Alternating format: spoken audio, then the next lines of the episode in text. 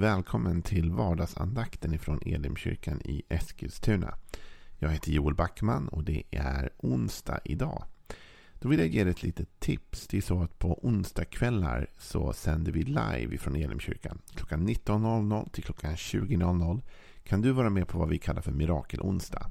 Det är en timme av bön och lovsång och förbön.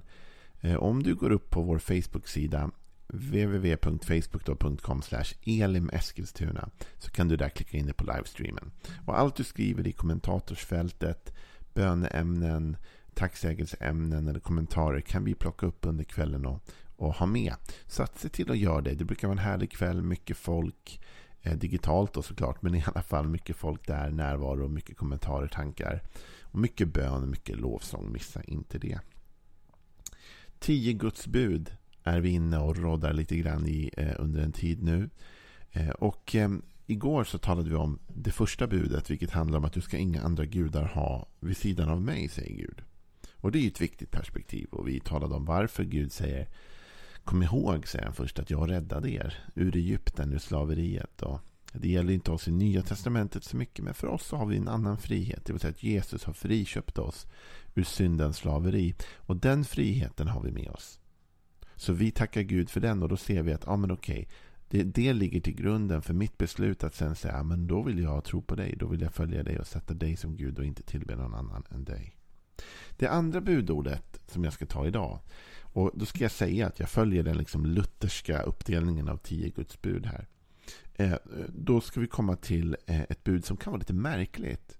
Och Man kan undra hur ska man tolka det här och vad kan jag för nytta av det idag? Och då är lite av min poäng med den här andakten idag. Att du har nytta av detta redan nu. Du kanske bara inte är medveten om det. Men faktum är att du har nytta av det som jag tänker prata om idag redan nu. Och vi ska läsa tillsammans då. Andra Moseboken, det 20 kapitlet och den sjunde versen kan vi läsa ifrån. Du ska inte missbruka Herren din Guds namn. Ty Herren kommer inte att lämna den ostraffad som missbrukar hans namn. Det här kan man ju fundera på. Vad betyder det här egentligen? Att missbruka Herrens namn. Handlar det om ett dåligt språk i meningen svordomar och annat? Ja, det är väl inte lämpligt att använda Guds namn i, i dåligt språk generellt. Det är väl lite dålig kutym och dålig stil eh, kan man tänka. Men jag tror att det har en djupare betydelse än så faktiskt.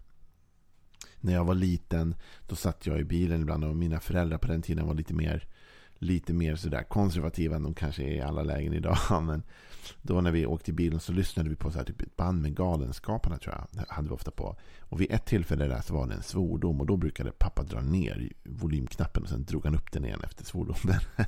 vi inte skulle utsättas för detta. Eh, är det det det handlar om? Liksom? Någon form av att akta oss från att, att uttrycka Guds namn i samband med svordomar med olika saker. Jag tror att det är mycket djupare än så. Även om jag inte skulle uppmuntra någon att göra det där såklart. Det hör väl till god sed att man, att man har ett bra språkbruk. Och inte minst vad det gäller Gud och hans namn. Men vad jag tror att det handlar om är någonting som vi redan gör. Och jag tänkte så här. Vad då gör och vad har jag för nytta av det här? Jo, lyssna. Mycket av vårt svenska, vår svenska kultur och vår svenska värdegrund, eller västvärldens värdegrund, bygger på den kristna tron och bygger på tio Guds bud. För många år sedan eh, när min pappa jobbade som pastor i Enköping så intervjuade han politiker. Det var inför ett val. Och politikerna kom till, till närradiostudion typ och blev intervjuade. Och han ställde frågor och han frågade bland annat hur de såg på tio Guds bud. Och då säger en av dem tror jag att ja, men i princip hela vår lagstiftning bygger på detta. Förutom möjligtvis då det första budet att du ska inga andra gudar ha. För det är ju svårt för religionsfrihet i Sverige. Vilket bra svar. Och vilket sant svar. Jag var inne i en annan debatt och lyssnade för ett tag sedan. Jag tar bara lite exempel nu. En debatt mellan två så här intellektuella giganter kan man säga. En ateist och en troende, en kristen. Och den kristne säger till ateisten till slut. Du är mycket mer kristen än du tror. Och ateisten säger vadå? Det förstod han liksom inte. Jo, Därför att du lever ditt liv utifrån en kristen, judeisk, eh, eh, alltså judeo-kristen värdegrund. En judisk kristen värdegrund. Och det är sant. För när jag säger att vad har vi för nytta av detta? Att vi ska inte använda Herrens namn på fel sätt. Så har vi nytta av det för det finns i svensk brottsbalk. Och det säger du, men det finns väl inte i brottsbalken att vi inte ska använda Guds namn på fel sätt? Nej, men det finns i svensk brottsbalk att man får inte använda människors namn hur som helst. För när man läser det här i, i Andra Mosebok så kan man fundera på, är Gud lite småsint? Är han liksom lite gnällig? Så här, du får inte använda mitt namn på fel sätt. Och kan han inte vara lite större än det? Vad är det här för någonting? Och då säger han till och med så här, du ska inte missbruka Herren missbruka Herrens, din Guds namn, ty Herren kommer inte att lämna den ostraffad som missbrukar hans namn. Det blir ett straff för detta. Och tänker man, men kan straffa alla som, som vadå, använder hans namn på fel sätt? Det var väl småsint? Fast det är inte småsint, inte alls. Tvärtom är det en del av svensk lag. Lyssna. Vi kallar det för ärekränkning i folkmun. Men egentligen är det ett samlingsnamn för förtal och förolämpningar enligt det femte kapitlet i brottsbalken. Vad innebär det? Jo, det innebär den brottskategorin omfattar sånt som kränker eller skadar en persons ära. Antingen den objektiva äran, gott namn, rykte, anseende hos andra. Eller den subjektiva äran, den egna känslan av vad ens anseende är. Så här handlar det om att om jag går ut och talar osanning om en människa på ett sådant sätt att den personen tar skada, antingen objektivt, det vill säga det goda namnet, ryktet förstörs. Jag talar så illa om någon säger att den här personen skulle bara veta vad den här personen har gjort eller tycker eller tänker. Fastän det inte är sant. Va? Men jag säger det på ett sådant övertygande sätt till människor att de tror det och det då skadar den personens rykte, namn eller anseende hos andra människor. Då har den personen blivit utsatt för ett brott av mig. Det är olagligt. Jag skulle kunna dras inför domstol och jag skulle kunna bli dömd för det. Men även om det inte bara är objektivt utan det är bara rent subjektivt. Det vill säga det kanske inte var någon annan som tog skada av detta än personen i sig. Men personen tar sån skada av det jag säger. Att det, att det liksom blir skadligt för den personen. Då kan det också räknas eh, som ett brott. Och då tänker man, det är precis det här Gud talar om. Och när man tänker på det och när man ser det i sammanhang med detta, då inser man den kristna tron är helt grundläggande för hela vårt sätt att leva och vara. Och Det här borde stärka upp ibland vår känsla för vår tro. Du som kristen, ibland ser vi ner på oss själva. Vi tänker att vi lever i ett av världens mest sekulariserade länder och här är det ingen som tar Guds ord på allvar. Här är det ingen som tror på Bibeln. Inte riktigt sant. Guds ord har varit med och format och påverkat den lagstiftning vi har i detta land. Det är ganska häftigt. Alltså politiker och andra har sagt att det finns så mycket vishet i detta. Att det här är någonting som vi behöver snappa upp, som vi behöver eh, integrera in i vår lagstiftning. Man kan inte säga vad som helst om vem som helst. Inte utan att vara i riskzonen för att bli straffad för det. Ja, och då kanske någon kristen då, någon troende tänker hjälp, men alltså nu vågar jag inte gå ut och säga något om Gud. För, för tänk om jag skulle porträttera honom på fel sätt eller liksom, och, och då får jag ett straff av det. Liksom, så blir man nervös. Men du vet, inte alls det det handlar om. För det här handlar inte om att ha okunskap eller att tala lite förhastat eller säga något man inte riktigt har tänkt igenom. Utan det här handlar mycket mer om att medvetet ge sig in på att skada en person. Eller medvetet ge sig in på att missporträttera, felaktigt porträttera någon.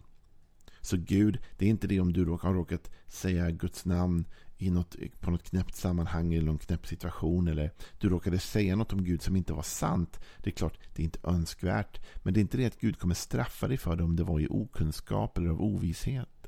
Eller om det var så att du trodde det då. Men om det är så att du uttalar dig om Gud falskt. Du vet vad sanningen är, men du väljer att inte säga det. Du väljer att porträttera honom på ett sätt som inte överensstämmer med den han är.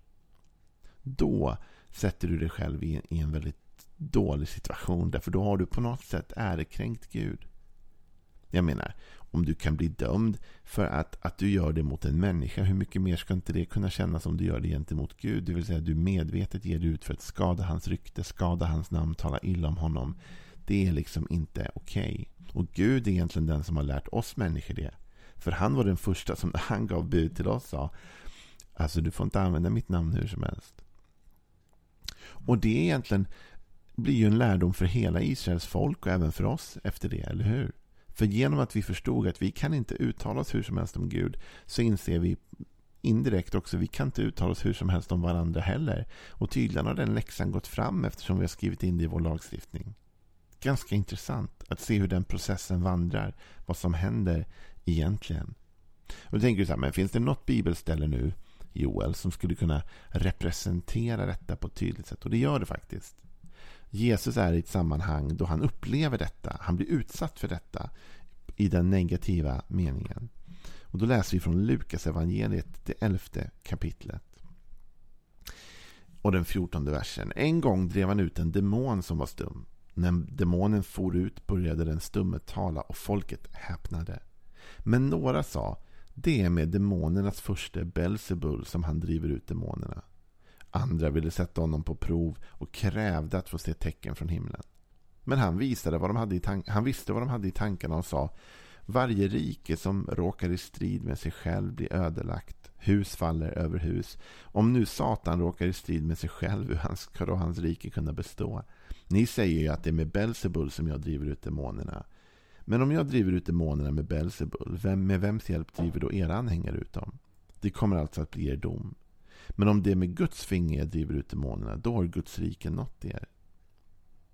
Så här talar Jesus om att de tänker fel och vid något tillfälle går han till och med ännu starkare fram och så säger han så här att den som liksom talar illa om den heliga ande, va? Det, det kommer bli ett straff för detta. Och vad han då menar är ärekränkning. Vad han då menar är inte bara att jag råkade säga något dumt, jag råkade eh, tänka något dumt, jag råkade göra något dumt. Här är det människor som försöker koppla samman det Jesus gör med den raka motsatsen av det Jesus är. Och det är det som är så kränkande för Jesus. Va? Det är därför Jesus blir irriterad. Därför att Jesus är ju Guds son. Jesus är Gud och Gud är alltigenom god. Och här står folk och säger nej, det är med ondska som han verkar. Alltså de försöker porträttera Jesus i total kontrast till den han är och det, på det sätt han verkar. Och Jesus han finner sig ändå vältaligt och välformulerat och förklarar för dem att det, er logik går inte ens ihop. Den, om det där är er logik, då faller det platt. Liksom. Så att han visar dem att deras argument är ogenomtänkta och mer känslobaserade bara för att de, ville, de var arga på honom. Men poängen är ändå, de här människorna försöker att säga något om Jesus som är helt totalt inte sant. Och någonstans vet de det själva, att det är klart att det inte är djävulen som driver ut demoner. För att om han driver ut demoner, ja men då blir det ju rike mot rike. Va? Så att här ser vi att, att Jesus visar oss ett exempel på hur, när det blir fel. Så vad är det jag vill säga egentligen idag? Det grundläggande är, ja, först och främst om du känner dig orolig som kristen för att du skulle ha kränkt Gud på något sätt. Var inte orolig för det. Du måste medvetet, som de här fariseerna, ha velat porträttera Gud på ett helt annat sätt än den han är. För att göra skada mot honom. Och det tror jag inte att du har velat och det tror jag inte att du har gjort. Eh, men det andra jag ville säga egentligen och kanske det jag vill att du skulle ta med dig som en lärdom från idag. Eller som en tanke in i den här dagen. Är vad mycket av vårt liv som redan nu är format och bygger på Guds ord. Alltså de här buden som Gud har gett till folket har vi skrivit in i våra lagböcker och sagt att så här ska det fungera. Så som Gud sa till folket att det skulle fungera, så tycker vi att samhället ska fungera. Och vi har byggt hela, liksom stora delar av västvärlden helt utifrån denna judisk-kristna värdegrund som vi har med oss. Va? Och det borde få oss att förstå allvaret i de här buden och förstå att det här ger liv. Kommer ni ihåg när vi läste om David här för några dagar sedan? Och vi sa att David sa att buden ger frihet. Och det är därför, jag menar, när vi har lagar i Sverige så har vi lagar för att skydda friheten. För att vi tror att det här ger lycka. Att inte människor kan få bete sig på vissa sätt är nödvändigt för att samhället ska må bra och utvecklas. Och då inser vi att Guds bud, även om de i någon mån är begränsande, så är de ändå, ger de lycka och ger dem frihet. Man kan inte säga vad som helst om vem som helst. Man kan inte felporträttera människor hur mycket som helst. Man får inte heller felporträttera Gud hur mycket som helst. Utan det är han som har lärt oss att ett namn är viktigt. Och att en, en människas personliga integritet måste bevaras precis som hans integritet måste bevaras. Ja, det var några tankar för dig och mig idag. Låt oss fortsätta leva med Bibeln som grund. Vare sig vi tror att vi gör det eller inte är det faktiskt så att den har format hela vårt liv och vår värld. Ha en riktigt välsignad onsdag.